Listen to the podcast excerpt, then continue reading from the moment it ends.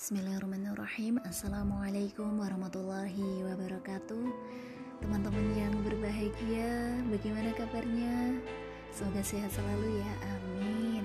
Yang pertama-tama Marilah kita memanjatkan kesyukuran kita kepada Allah Subhanahu yang hingga saat ini kita masih diberikan nikmat yang sangat luar biasa yaitu nikmat iman, nikmat Islam dan juga nikmat kesehatan. Sehingga malam hari ini kita masih bisa berkumpul bersama secara virtual ya melalui WA group.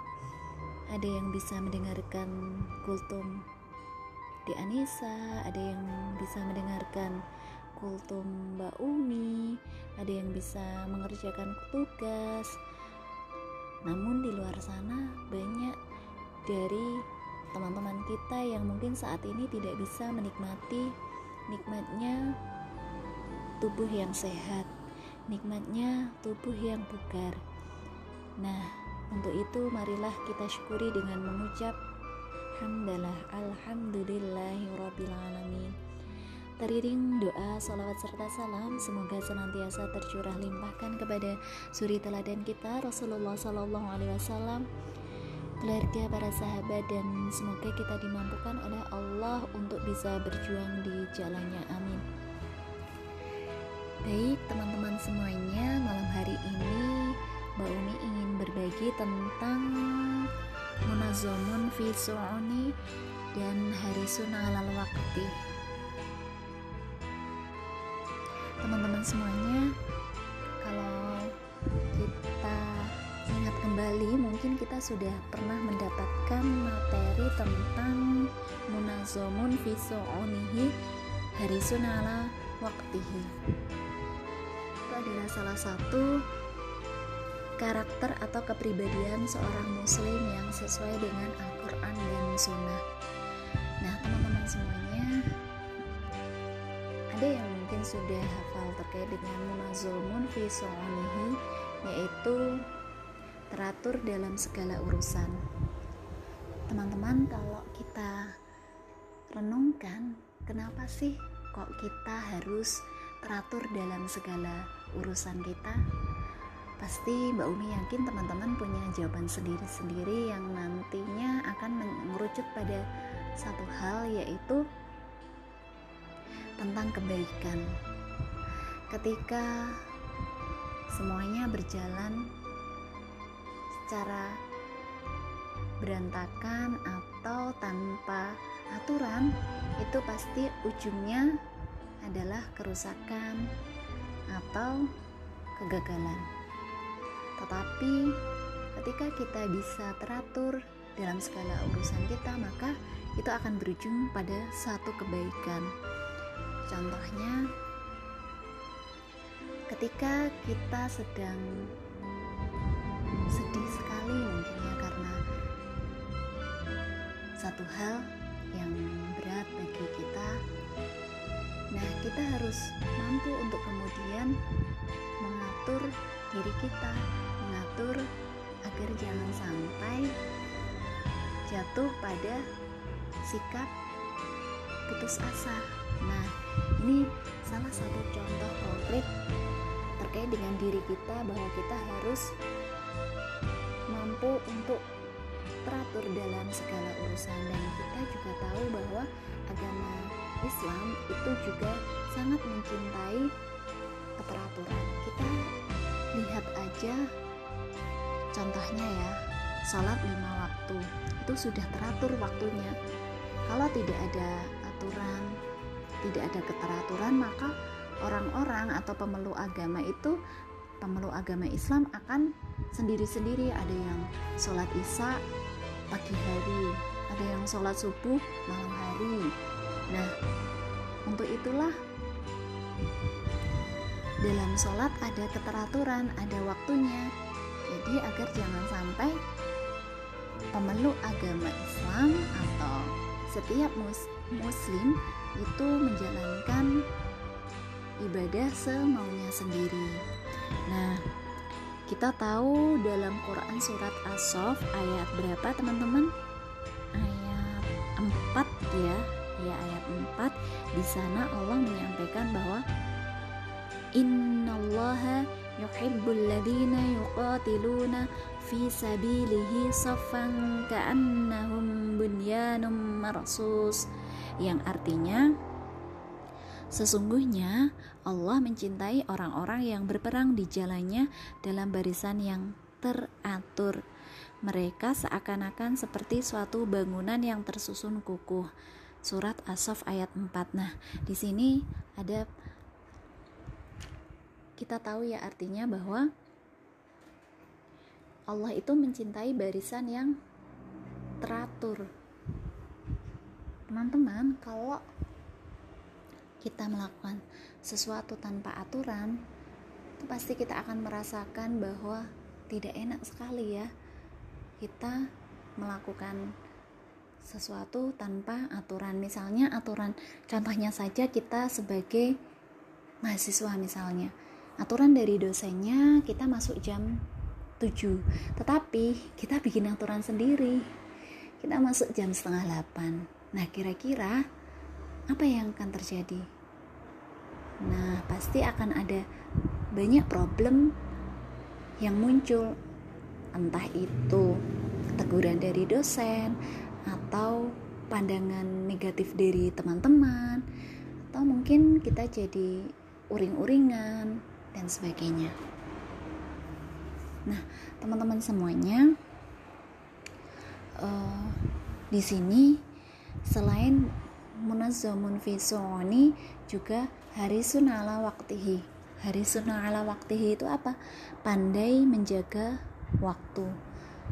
Nah ini penting sekali teman-teman bagi kita untuk pandai menjaga waktu agar jangan sampai waktu kita terbuang sia-sia. Sangat pentingnya waktu. Mungkin teman-teman sudah hafal bahwa banyak sekali uh, Allah bersumpah dengan waktu ya. Ada wala asri walaili wadduha wal fajr nah teman-teman kenapa kemudian sangat penting sekali karena waktu ini adalah aset kita investasi kita ketika kita mampu untuk memanfaatkan waktu dengan sebaik-baiknya pandai menjaga waktu kita maka kelak di akhirat kita akan memanen tanaman-tanaman kebaikan yang sudah kita lakukan di dunia, amal-amal produktif, amal-amal kebaikan yang kita lakukan di dunia itu akan kita panen nanti di akhirat. Itu karena apa? Karena kepandaian kita adalah menjaga waktu. Kalau waktu kita banyak kita gunakan untuk kesia-siaan, maka kita akan berujung pada satu kerugian. Nah, jangan sampai seperti itu ya.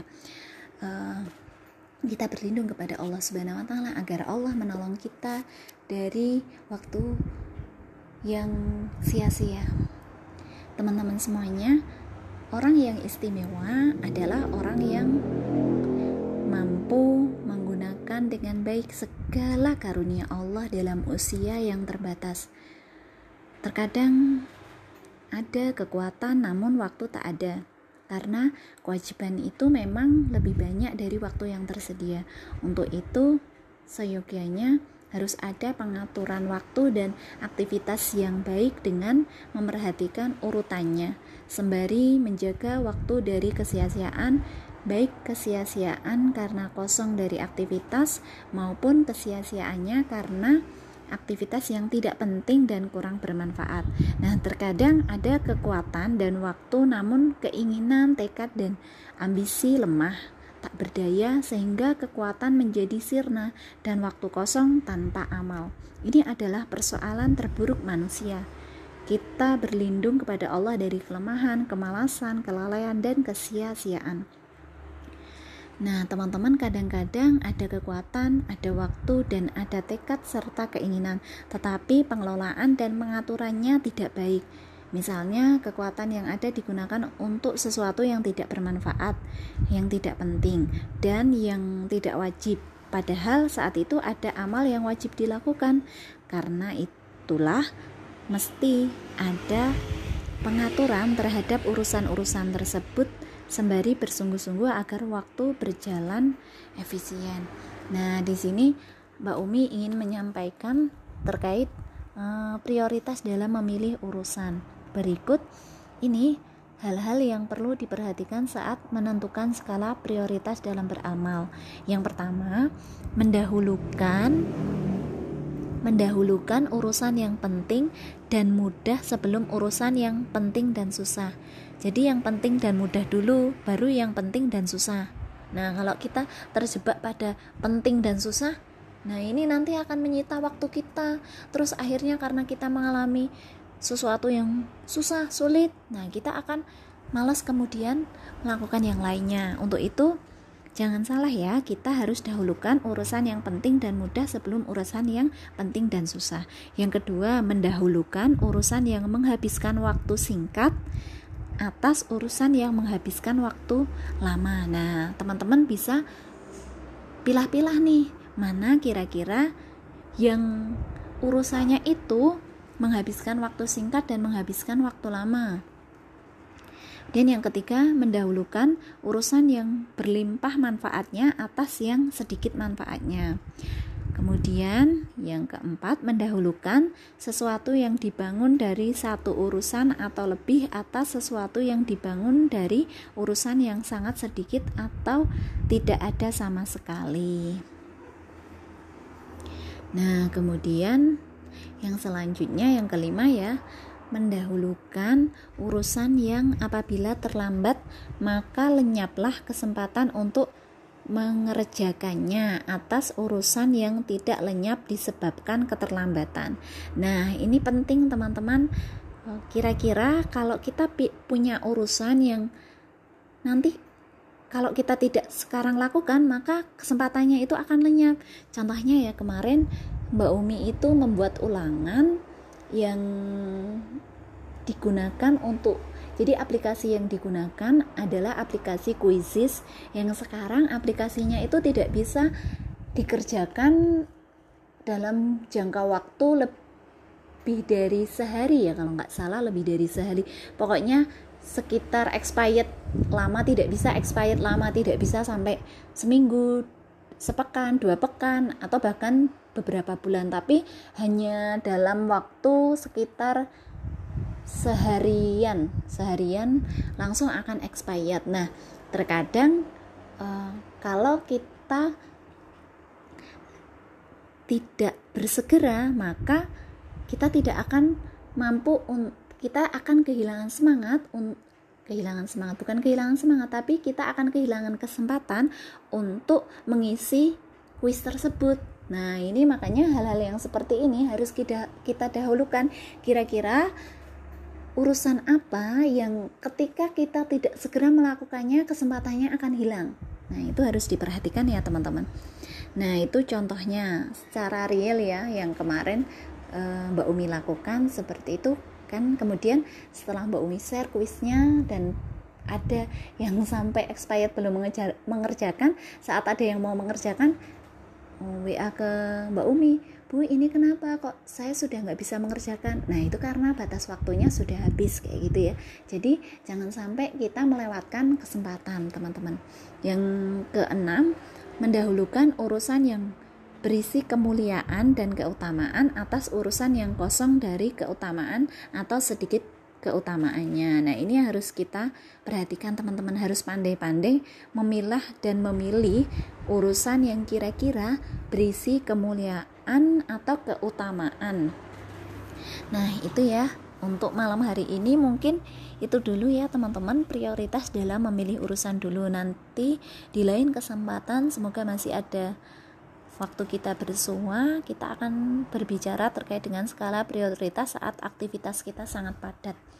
Nah, teman-teman, itu yang bisa Mbak Umi bagikan pada kesempatan malam hari ini. Semoga bisa bermanfaat dan bisa kita amalkan bersama ya. Mohon maaf apabila banyak kekurangan. Mbak Umi akhiri. Wabillahi taufik walidayah. Wassalamualaikum warahmatullahi wabarakatuh.